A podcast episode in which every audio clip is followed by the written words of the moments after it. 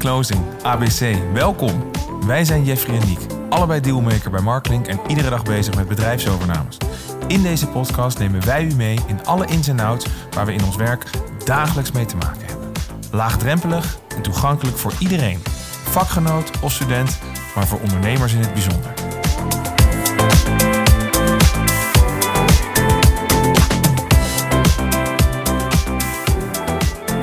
Jeffrey, goedemorgen.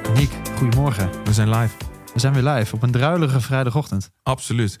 Eh, Maar wel met een heel ander onderwerp dan normaal. Eh, Althans, een, een, een, een, een vrij afwijkend onderwerp van hetgene wat we normaal bespreken. nou, iets waar wij nog niet heel veel mee te maken hebben gehad. Eigenlijk nog helemaal niet. Helemaal niks. Nee, Maar wel heel interessant. zeker. Wie hebben we vandaag de gast? Eh, Jaap van der Meulen. Goedemorgen. Goedemorgen. Goedemorgen. Jaap eh, is eh, eh, eigenaar van een eigen advocaatkantoor. En houdt zich veel bezig met de insolventiepraktijk. Ja, dat klopt. Ik ben nu al ruim 40 jaar betrokken in een advocatenkantoor in Friesland. En in feite vanaf het begin, vanaf het allereerste begin betrokken in de faillissementen. Dat wil zeggen dat ik eh, benoemd word als curator in eh, door de rechtbank uitgesproken faillissementen. Dus de rechtbank wijst me dan aan en dan ga ik zo'n faillissement behandelen. Wij, eh, wij, als overnameadviseurs in de, in de niet-faillissementpraktijk zijn met name bezig met ondernemingen die, die, die goed draaien. Hè. Dan zijn we op zoek naar ja, een heel ander type koper, denk ik, dan dat, eh, dan dat u dagelijks mee bezig bent. Misschien is het goed om, om even een korte eh, eh, eh, algemeen beeld te creëren bij joh, hoe, hoe werkt zo'n proces van eh, eh, insolventie nou? Hè? Van, van begin tot eind, als u wordt aange vanaf het moment dat u wordt aangewezen als Ja. curator. Ja, dat zal ik eh, uitleggen. Kijk, een, eh, in de eerste plaats eh, een insolventie, dat wil zeggen een faillissement, eh, in zwaar weer terechtkomen. Dat kan in feite elke ondernemer overkomen. Dat, dat is even een eerste gedachte. En als het gebeurt, dus als het zover komt, het faillissement is het, het uiterste redmiddel, hè, of het uiterste gebeuren, het laatste wat eh, in zo'n fase gebeurt. Dan zit er dus een onderneming in een failliete boedel. Daar is een curator benoemd die eh, dan belast wordt met, zoals het in de wet staat, het beheer en de vereffening. Dat wil zeggen dat de curator de taak heeft om die onderneming zo goed mogelijk te verkopen, als dat kan. Hè? Ja. Als, daar, als daar markt voor is, om zo te Ja. zeggen. En zo goed mogelijk verkopen voor de crediteuren, voor de bank, voor de ondernemer, voor de onderneming, voor de werknemers, voor wie. Ja, dat, dat is een, het punt. Eh, in feite is het faillissement er voor crediteuren. En de crediteuren, eh, dat zijn degenen die eh, uitgekeerd krijgen uit de opbrengst die in de boedel eh, terechtkomt. En je verkoopt een onderneming. Het geld wat daaruit voortkomt, dat is bestemd voor de crediteuren en wordt volgens de wettelijke regels dan door de curator verdeeld onder die crediteuren. Dat, dat is de basis. En dat is het, de grondgedachte van het faillissement. hè. Je hebt, je hebt in feite een pot en daar zit een onderneming in. En die eh, onderneming wordt vanuit die pot door de curator verkocht. Daar komt dus geld in de pot. En dat geld wordt vanuit de pot door de curator verdeeld onder de crediteuren. Dat, dat is in een notendop de taak van de curator. Dan heb ik ehm, één, vraag die dan bij, direct bij me opkomt. Stel nou dat het voor de eh, crediteuren interessanter is om dat geld niet in één keer uit te keren. Dus eh, stel je hebt de boedel, de boedel verkoop je en die levert cash op direct. Ja. En dat eh, keer je uit naar de crediteuren. Zijn er ook situaties waarin je zegt ehm, de potentiële opbrengst van de boedel met een nieuwe eigenaar levert meer cash op om uiteindelijk die crediteuren te kunnen betalen? Is dat ook een situatie die zich voort zou... Ja, het, het, Oh. het idee is om de, de waarde te optimaliseren. Om het zo goed mogelijk eh, in de markt te zetten en het zo goed mogelijk eh, tegen een zo hoog mogelijke prijs te verkopen. Eh, daarin herkennen wij ons werk wel. Juist, dat, dat is exact hetzelfde wat wij ook doen. Daarom, Ja. daarom zitten we ook een beetje bij elkaar. Ja. Eh, omdat, eh, omdat in de praktijk heb ik er als curator natuurlijk ook wel behoefte aan om goed in de markt te kunnen eh, eh, kijken en vaststellen waar nou de interessante overnamepartijen zitten. En daar is wel iets over te zeggen, omdat natuurlijk eh, zo'n faillissement plaatsvindt bij een bepaalde onderneming. En die onderneming die functioneert in een bepaalde kring. En die kring die kent die onderneming vaak wel. En die weet wel eh, dat er iets is omgevallen wat interessant zou kunnen zijn voor hem of haar om over te nemen. Eh, eh, een voorbeeld, een, ik had als nu, nu laatst een stoffenhandelaar. Ja. die viel om. En ja, de hele wereld van de stoffenhandel... die weet dan dat die stoffenhandelaar is omgevallen. Dus met andere woorden, Eh, in principe komen die geïnteresseerde kandidaten wel vanzelf bij je als curator. Maar dat is aan de andere kant toch ook weer niet altijd zo. Want soms denk je van ja, ik wil toch eens wat breder kijken. Waar, waar zit eventueel in het buitenland nog gadingmakers eh, die, die het leuk vinden om deze onderneming te kopen? Eh, waar zitten nog mogelijkheden om, om elders iets te vinden? Dus aan de ene kant, ik ben gewend dat mensen uit zichzelf op me afkomen. Maar aan de andere kant, ik wil ook graag verder kijken dan dat. Is dat, is dat, is dat, eigenlijk gewoon een breder proces kunnen lopen. Ja, ja. Ehm, maar is dat niet een enorme uitdaging? Want volgens mij, als ik het goed begrijp, ehm, ehm, als je eenmaal in de fase van faillissem- faillissement zit, dan eh, is er denk ik is, is tijd een heel kritiek element in het proces. Dus je hebt, heb je de tijd om zo'n breed proces te doen en het, die zoektocht naar die juiste koper te vinden? Of Ja. is dat zijn, ja, eh, Daar zit, daar zit een heel precair element inderdaad. Want kijk, eh, zo'n faillissement, dat betekent vaak chaos. Eh, je moet je zo voorstellen, een curator die wordt blanco benoemd. Hè, de rechtbank die toetst ook altijd, die gaat na hè, of de eh, te benoemen curator vrij staat. Ja. Dus en, en wordt- vrijstaat houdt en met- in. Vrijstaan betekent dat je met die gefailleerde onderneming nog nooit iets te maken gehad hebt. Dus dat je daar geen, geen procedures tegen gevoerd hebt als advocaat. Of dat je hem of haar niet geadviseerd hebt. Je moet. Het niet je, vrij dochter, zijn- niet je dochter is. Nee, je, moet- je, je moet zakelijk vrijstaan tegenover die figuur. Dat, dat, Ja. is, dat is belangrijk. En eh, dat betekent dat je op zo'n, bij het begin van zo'n faillissement je helemaal moet oriënteren op die onderneming. Eh, dat is één punt. Het tweede punt is, eh, zodra zo'n faillissement wordt uitgesproken, eh, trekt de markt zijn handen van die onderneming af. Dat wil zeggen, leveranciers willen niet meer leveren, eh, klanten worden heel argwanend, willen niet meer betalen, werknemers zijn niet meer zo erg geïnteresseerd. Eh, eh, eh, het heeft een heel negatieve effect, hè, zo'n uitspraak. En dat betekent dat de waarde van die onderneming in feite bij je wegloopt. Ja. Als, en, en dat wil je niet. Je, dus snelheid is een heel belangrijk punt. Je wilt zo, graag zo gauw mogelijk die onderneming zo goed mogelijk wegzetten. Eh, aan de andere kant, je moet je ook eh, oriënteren eh, op wat is nu de beste bieder. Hè? Wie, wie kan en wil het meeste bieden voor zo'n voor zo'n onderneming? Maar al die partijen die gaan bieden, die denken toch... ik kan het voor een habberkrats kopen. Dus waarom zou ik een hoog voorstel daar neerleggen? Nou ja, je kunt je voorstellen dat er eh, toch een beetje concurrentie is. Hè? Dat, dat de een het eh, er meer voor over heeft dan de ander. Eh, Je maakt een prospectus. Wat ik doe is, ik schakel een bedrijf in, de, vaak eh, Troostwijk, die, dat is, die is professioneel, die inventariseert alles. Maakt een rapport van de liquidatiewaarde en van de marktwaarde. En van en- en- en zo'n rapport eh, krijgt dan drie gedaantes. Ook eentje eh, helemaal blanco, dus zonder vermelding van de waardes. En ik maak dan een prospectus en dat stuur ik aan gadingmakers met dat blanco rapport erbij. Dus die kunnen dan precies zien wat zit er aan, eh, aan activa, hè, wat zit er aan spullen in.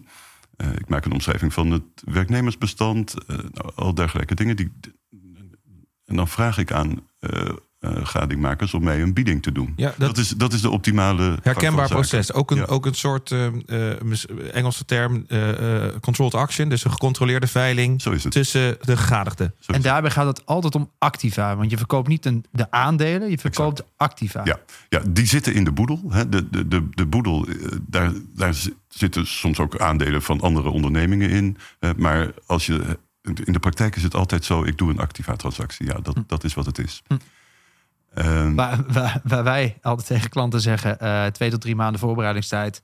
Neem rustig even de tijd, eh, wat- analyses maken. Kunnen we ons rustig gaan verdiepen op de markt? Is dit een project wat gaat over weken, denk ik? Maximaal. De, de, de, het- het moet eigenlijk binnen twee weken moet het rond zijn. Wil je, Ja. wil je het goed en geloofwaardig En dat is vanaf doen. het moment dat jij wordt aangewezen door, een, eh, door de rechtbank, Ja. tot aan de gesprekken met die partijen, praat je over weken. Ja, minder eigenlijk. Hè. De, kijk, eh, je moet het zo zien. De- er is een werknemersbestand. Het- vaak is het het eerste wat ik doe...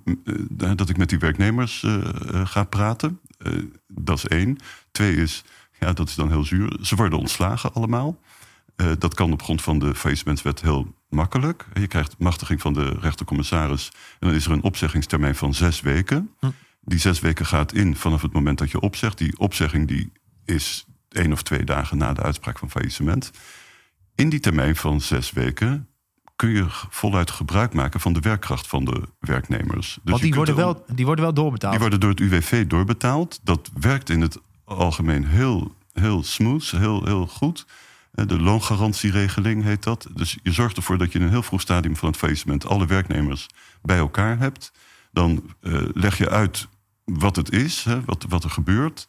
En eh, dan leg je ook aan hen uit dat de onderneming nog voortdraait. Hè, dus dat, dat de, de onderneming zijn activiteiten eh, voortzet. Dat je daarvoor gebruik maakt van hun werkkracht. Dus dat ze gewoon aan het werk blijven.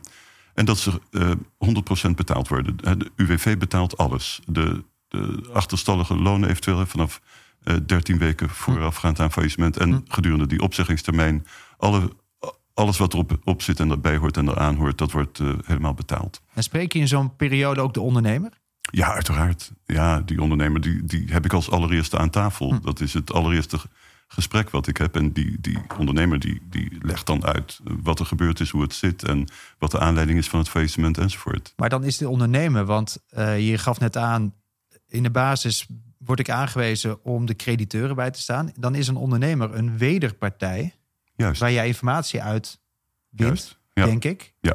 Ik zeg ook altijd u tegen de ondernemer. En dat Ja. blijf ik ook volhouden. Die, die, afstand, die afstand blijf ik ook eh, vasthouden. Ja, ja dus je moet, je moet, dat is ook een beetje een, een, een evenwicht zoeken. Want je moet zo'n ondernemer... ehm, eh, eh, daar moet je heel veel informatie van krijgen. Dus je moet in zekere mate ook een vertrouwensband hebben. Dat is één kant ervan. En de andere kant... eh, zo'n ondernemer moet ook weten dat, je, dat hij inderdaad een wederpartij is. In die zin dat als je als curator merkt dat hij dingen gedaan heeft die niet door de beugel kunnen. Dat wil zeggen dat er geld onttrokken is op een onrechtmatige manier aan de onderneming, voorafgaand aan het faillissement. Dan moet je hem aanpakken. Dan, moet je, dan is hij aan de beurt. Dan, dan is hij voor bestuurdersaansprakelijkheid eh, Ja. eh, jouw wederpartij, om zo maar te zeggen. dus dan, dan, dan, dan ben je echt tegen hem. En, en wordt zo'n ondernemer bijgestaan door iemand? Zit zo'n ondernemer Vaak daar wel, alleen? eh, En dat vaak- is dan vaak een jurist? Of Ja, dat zijn vaak insolventiejuristen die dat doen. Ja, ja dus, eh, Hetzelfde type jurist. Ja, precies, hetzelfde type hetzelfde- als u bent. Ja, alleen dan de andere kant. Alleen aan de andere kant. Ja. Ja, ja. klopt. Doet, doet u dat ook wel eens? Ja, dat doe Ja? ik ook wel eens. Ja, van beide kanten Ja. doe ik het. Dus eh, dat, dat maakt het ook Ja, interessant. ja. Ja. Ik kan, ik kan me voorstellen dat je ook wel eens dan te maken hebt met iemand die, die er, die er eh, eh, heel eh, onrechtvaardig in zit. En dat dat heel moeilijk kan zijn en hele aparte scenario's kan opleveren. Of, eh, ja, zoveel faillissement als je hebt, zoveel vormen van reacties kun je meemaken. Echt, dat, dat is heel, heel bijzonder. En ik had een eh, faillissement van een grote, eh, ehm, grote onderneming. Dat was een, een zoutindustrie. En daar was een bedachte doorstart uitgedokterd. Ja. Eh, dat was door de pandhouder gedaan. Dus in feite door de bank. ja, Ehm, en eh, daar was een, eh, een overdracht bedacht, die eh, ook uiteindelijk zo is uitgevoerd. Hè, dat, dat bleek ook eigenlijk de meest aangewezen weg te zijn. Maar, ehm, en alle werknemers gingen mee over, behalve eh, twee die. Eh, en dat waren de werknemers die waren betrokken bij de oorspronkelijke oprichter. en daar, eh, dat, dat is ook een heel gek effect in feite. Want ja, de- de- de- dat, je, dat je als het ware zo'n onderneming helemaal kant en klaar eh, all in netjes overdraagt aan een nieuwe figuur. Maar de twee mensen die ze onaardig vonden, die mochten niet mee. ja, dat, dat, dat heeft een beetje een gek effect eigenlijk dan. Ja, maar, is, is dat wettelijk mogelijk? Dat je dus een uitzondering kan maken? Ja, ehm, ja, eh, nou, dat, dat, daar, daar zit dus, dus dat aspect in van, die, eh, eh, van, van de wettelijke regeling over overdracht van ondernemingen. En normaal gesproken gaan alle werknemers mee over. in een niet-faillissement In een situatie. niet-faillissement situatie. eh, Daar is een uitzondering voor in het faillissement. Hè, daar geldt dan de regel dat, dat, eh, dat je als overnemer zelf mag bedenken welke werknemers je wilt hebben. Eh, Maar echt letterlijk cherrypicking. Als je zegt, er, er, er werken er tien op de magazijnafdeling, daar wil ik er vier van hebben en dat zijn die vier. Juist. Ja, je, je hebt een plan, je maakt een, een, een afgeslankte vorm. En dat betekent dat die tien mensen niet meer kunnen blijven. Dat worden er vier in die afdeling. Andere afdeling 50 mensen, dat kunnen er nog maar 20 blijven. andere, nog anderhalf uur enzovoort. Maar als koper heb je toch niet de kennis per persoon wie je wel of niet wil hebben? Tenzij je dus inderdaad, zoals net geschetst werd, eh, de markt kent de markt wel. Ja. Ja, En als het je concurrent is, of dan, dan weet je echt wel wie de, wie de juiste personen zijn die je graag daarvan mee zou willen nemen. En vaak ook waarschijnlijk wel wie je niet mee zou willen nemen. exact. Dat is één ding. En een ander ding is dat het soms zo is dat zo'n eh, overname plaatsvindt door een gelieerde onderneming. Met andere woorden, door mensen die de onderneming zelf al goed, misschien zelfs wel al een beetje van binnenuit kennen. En eh, Dus huidige werknemers kunnen het, ja, die kunnen natuurlijk ook die stap. Eventueel kunnen huidige werknemers het doen. Dat zie je nou niet zo heel vaak. Maar wel eh, dat een bieder eh, afkomstig is uit de, eh, uit de zeer nabije kring van de ondernemer die is omgevallen. En mag dat? Ja, Want dan kan het toch een, een doelbewust faillissement zijn om afscheid te nemen van personeel, van je crediteurenlijst, om vervolgens een doorzet te maken door je broer of door je. Nou, daar wordt dus inderdaad heel kritisch naar gekeken. Maar het, het, het, eh, de uiterste afweging is uiteindelijk toch... wat is het beste voor de boedel? Hm. Dat wil zeggen in financiële zin. Waar, eh, hoe wordt het meeste geld gerealiseerd? En als het zo is dat een nabije ondernemer het meeste biedt voor de crediteuren... dan wordt hij het. En kan het zelfs zo zijn dat jij als ondernemer die betrokken is bij dat faillissement zelf de koper uiteindelijk wordt? In feite kan dat. Oh, In feite zal dat in feite gebeurt dat ook wel eens. Ja, ik, eh, dat, dat is inderdaad een, een situatie die, eh, die kan gebeuren. En die ook succesvol kan zijn. In die zin dat er eh, daarna een onderneming voort blijft bestaan in afgeslankte Hm. vorm. Die gewoon op continuïteit gericht is. En Hm. die daadwerkelijk ook in de markt, eventueel zelfs onder dezelfde naam. En een soort, soort ondernemer 2.0 Hm. Eh, voortbestaat. En, eh, eh, en zijn activiteiten voortzet. En ehm, eh, misschien gooi ik nu wat vreemds in, maar je, je, hoort, je hoort als buitenstaander, niet insolventie-specialist, wel eens de term doorstart. Is dit dan een voorbeeld daarvan? Dit is exact het voorbeeld van een doorstart, ja. En dat is ook een, een rechtmatige vorm. Een, een vorm die geaccepteerd is. Die, die in de faillissementspraktijk gebruikelijk is. En die ook wel zinvol is eh, om twee redenen. De eerste reden is... Ja, eh, je realiseert een optimale opbrengst voor de crediteuren. En de tweede reden is... eh, er bestaat daarna nog weer een onderneming... die gewoon in de markt opereert. En die dus...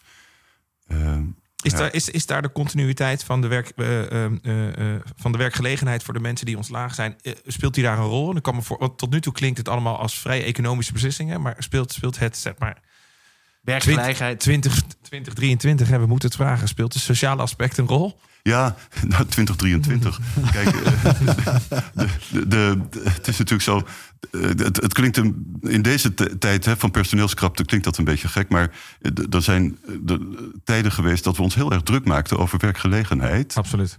Heel duidelijk en, en begrijpelijk. Nou, en het idee is eigenlijk dat je als je een doorstart kunt hebben waarbij je toch werkgelegenheid redt, om zo te zeggen. Dat dat een positief iets is. En dat, dat is dus ook veel gebeurd. Hè, dat, er, dat er daadwerkelijk nog eh, eh, werkgelegenheid in stand gebleven is.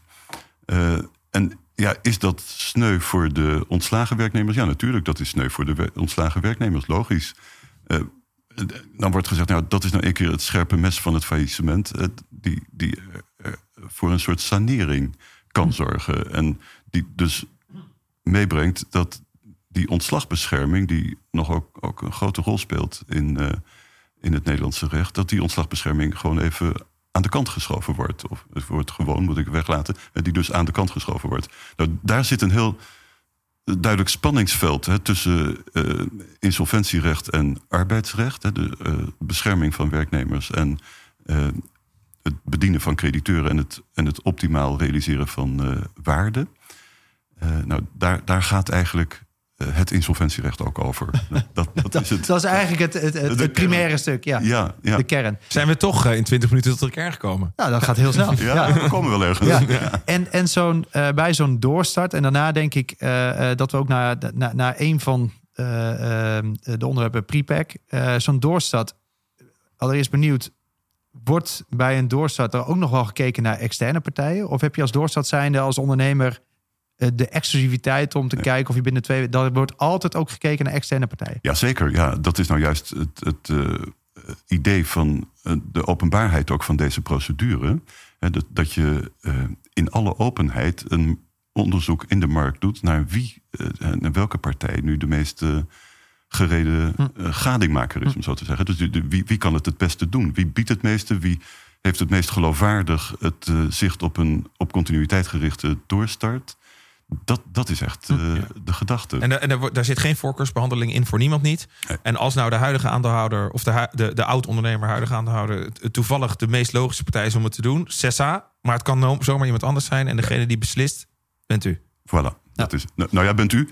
Daar wou ik nog even bij. Dat is weer te- bijna te veel. Carte blanche. Ja, Ja. nou kijk, de, de, de banken spelen natuurlijk ook vaak een hele grote rol. En eh, eh, Mits er pandrecht is. mits, de, mits de pandrecht is. En je ziet heel vaak, eh, banken hebben alle zekerheden naar zich toe gehaald. Klopt. En dus die hebben het in feite, eh, als, als je niet met hen overeenstemming hebt over hoe je het gaat doen, ja, dan kan een bank uiteindelijk zeggen: ik ga het zelf openbaar verkopen. Dus dan neemt hij de taak van de curator over.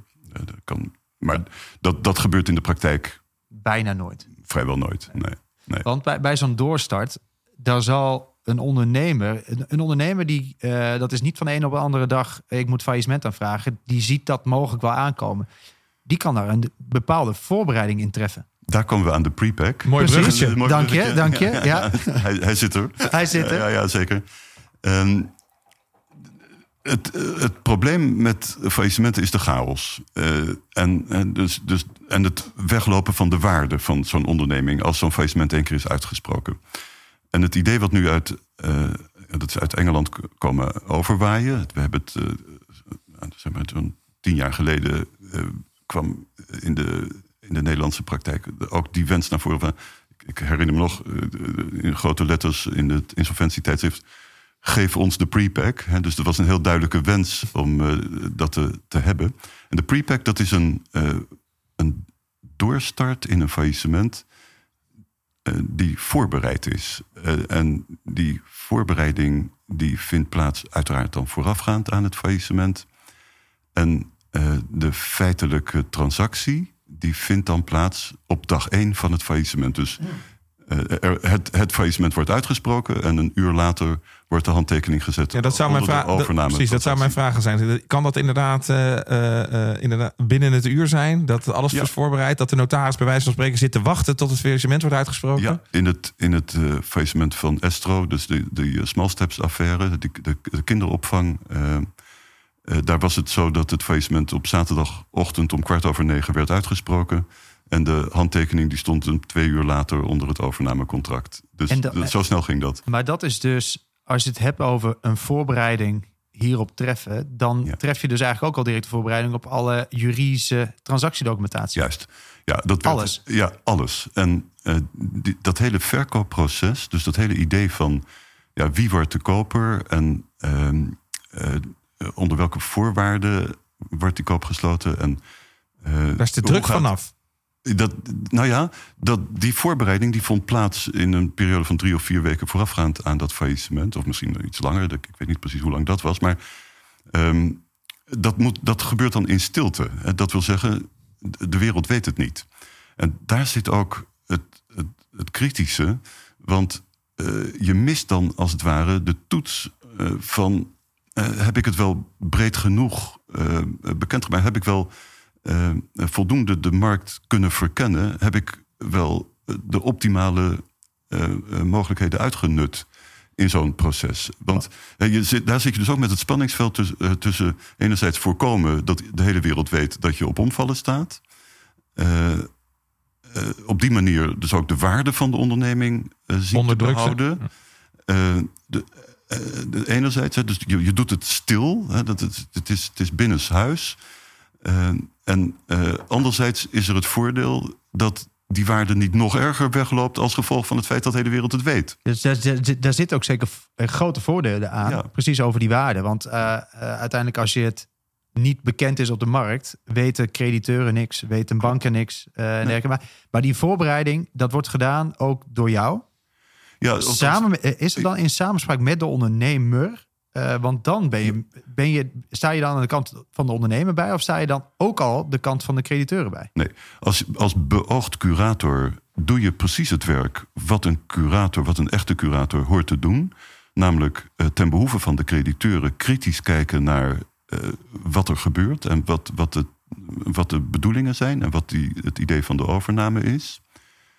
Ehm, en daar kun je ook op afgerekend worden. Dus als achteraf blijkt dat je eh, de boedel voor minder weggezet hebt dan mogelijk was, uh, of als je verkeerde advies hebt gegeven, of als je dingen hebt gedaan die de crediteuren uh, benadelen of zouden kunnen benadelen, dan zou je daar aansprakelijk voor gesteld kunnen worden. Dus je taak is echt die van een gewone curator. Alleen, je bent nog maar beoogd curator. En dat wil zeggen, ja, je hebt ook. Je, je, je staat erbij en je kijkt ernaar. Ja. Dat, dat en, is het eigenlijk. En we noemen je jezelf daarbij over curator, of wordt dat ook al wat door de rechtbank gedaan? Want je wilt zo klein mogelijk een groep qua voorbereiding, maar als er ook bij iets naar buiten gaat, dus je moet worden aangewezen door een rechter. Ja, dan, dat, dat wordt door de rechter gedaan. Dus ook een beoogd curator. Wordt Ga je de rechter benoemd, ja. ja. En, en er wordt ook een beoogd rechtercommissaris dan aangewezen. Gebeurt allemaal in stilte. Hè. Het wordt nog niet naar buiten gebracht. En het idee is dus dat als het zover is dat die, die overname, om zo te zeggen, rond is. Hè, dus dat je, je, bent, je bent het eens met de, met de wederpartij en je bent het eens met de ondernemer. Uh, en en ja, het is in kan en kruik, om zo te zeggen. Dan vraag je het formele faillissement aan. En dan wordt dat door de rechtbank uitgesproken. Dan ben je dus volledig bevoegd. Hè, dan kun je de handtekening zetten, om zo te zeggen. En dan wordt de handtekening ook gezet. En dan is op dag één van het faillissement is die transactie rond. Dat, dat is het idee. Ja, dat is bizar inderdaad, want het, het betekende in die gevallen waar, ik het, waar we het dan nu over hebben, dat van de een op de andere dag de onderneming eigenlijk naar buiten toe precies hetzelfde is. Alleen dat in één keer een heel groot bestanddeel van, het, van de uh, werknemers zijn baan kwijt is.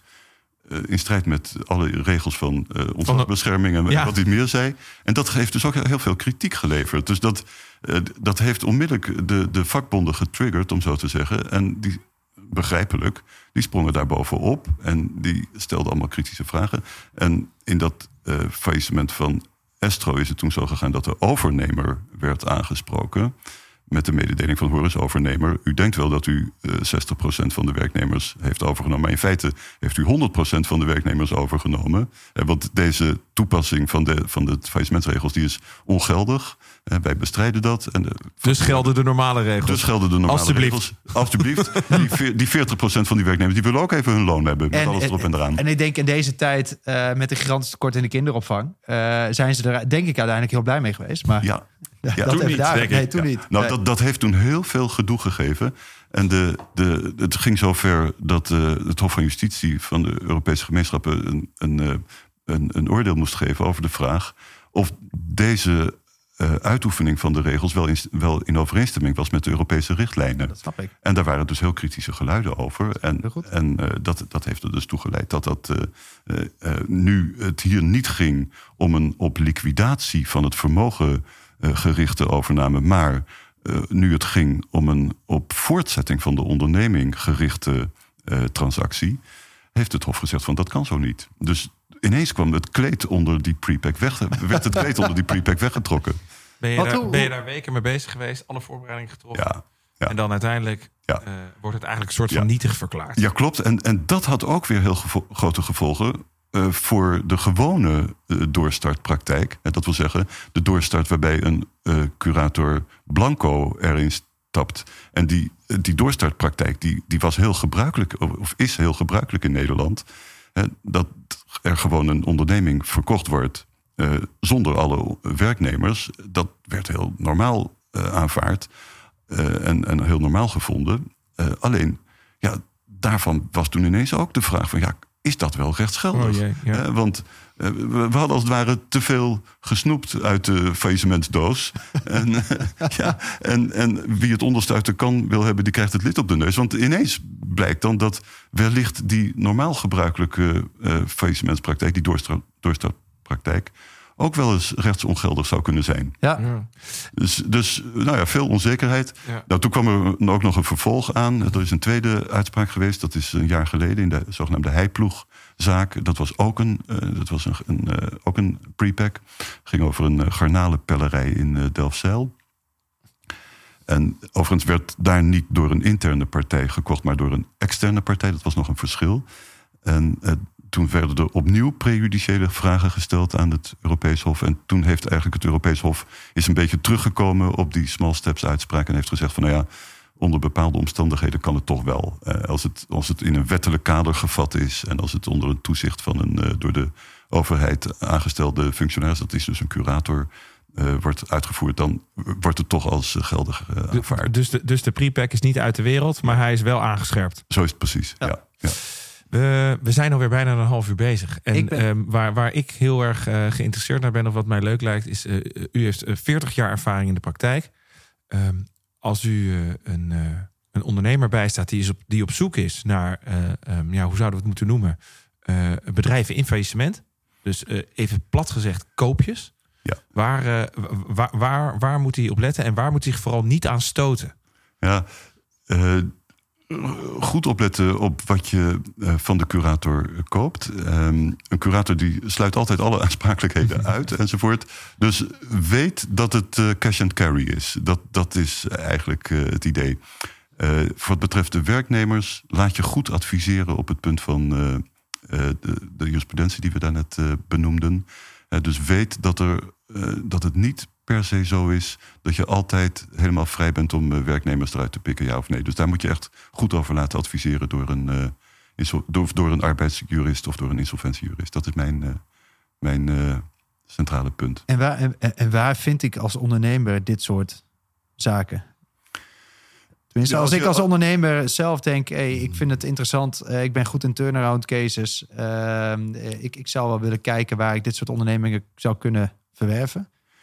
Ja, maak je bekend bij de, bij de advocaten die op de lijst staan, om zo te zeggen. Maak je bekend. eh, Ik, ik heb ook een lijstje van mogelijk geïnteresseerden Ja. hè, die eh, eh, het leuk vinden om, om uit eh, faillissementen te kopen. Ja.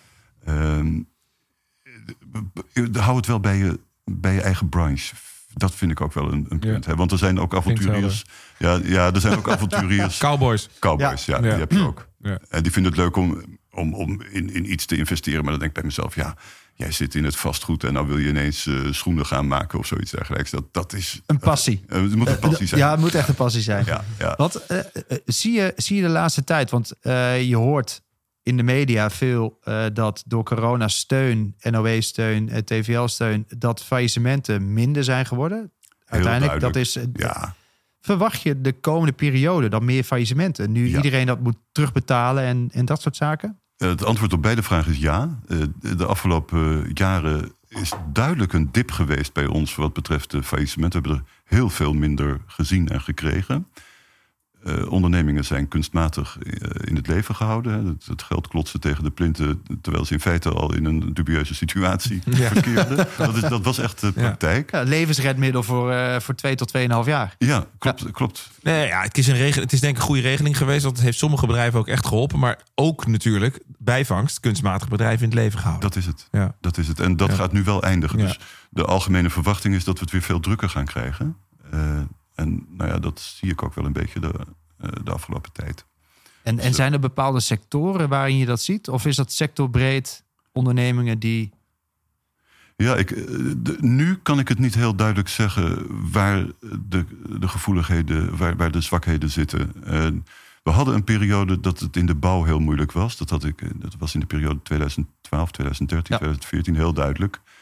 Eh, maar goed, eh, hè, zo, zoveel variatie aan faillissementen als je hebt in de praktijk. hè, zo, zoveel is het ook eh, eh, in, de, in de ondernemingssfeer. Dat, dat weet je gewoon dat dat eh, zo is. Ja. En eh, het kan over, het, eh, om te eindigen waar we begonnen, het kan iedereen overkomen. Dus eh, Ja, de, de- uiteindelijk, je hebt het niet altijd in eigen hand. Want er zijn ook heel wat macro-economische zaken. Ja. Waar wat invloed heeft ja, op jouw onderneming. Waar je totaal geen vat op hebt. Ik hoop dat je het niet volledig in eigen hand hebt. Want anders gaat toch weer die bestuurdersaansprakelijkheid spelen. exact. Dat klopt ja. zeker. Ja, dat klopt klopt. zeker. Ehm, Meneer Van der Meulen, hartstikke bedankt voor uw aanwezigheid vandaag en uw kennis. Wij hebben er in ieder geval wat van geleerd. Zeker. Ik hoop de luisteraar ook. En ehm, als er vervolgvragen zijn over dit onderwerp, bij welk kantoor moeten ze dan zijn? Alders de baas, Jouren, Jaap van der Meulen. Top. Top. Dat is het. Dankjewel. Dankjewel Jaap. Heel veel dank. Fijn dat u heeft geluisterd. Dank. Sluiten af met een paar huishoudelijke mededelingen. Als u luistert via Apple Podcast, ontvangen wij graag uw feedback. Wilt u een automatisch bericht zodra de nieuwe episode online staat? Volg ons dan op Spotify. Bent u ondernemer en speelt u met een ondernemersvraagstuk? Bezoek dan ook eens onze website www.marklink.com. Tot de volgende keer.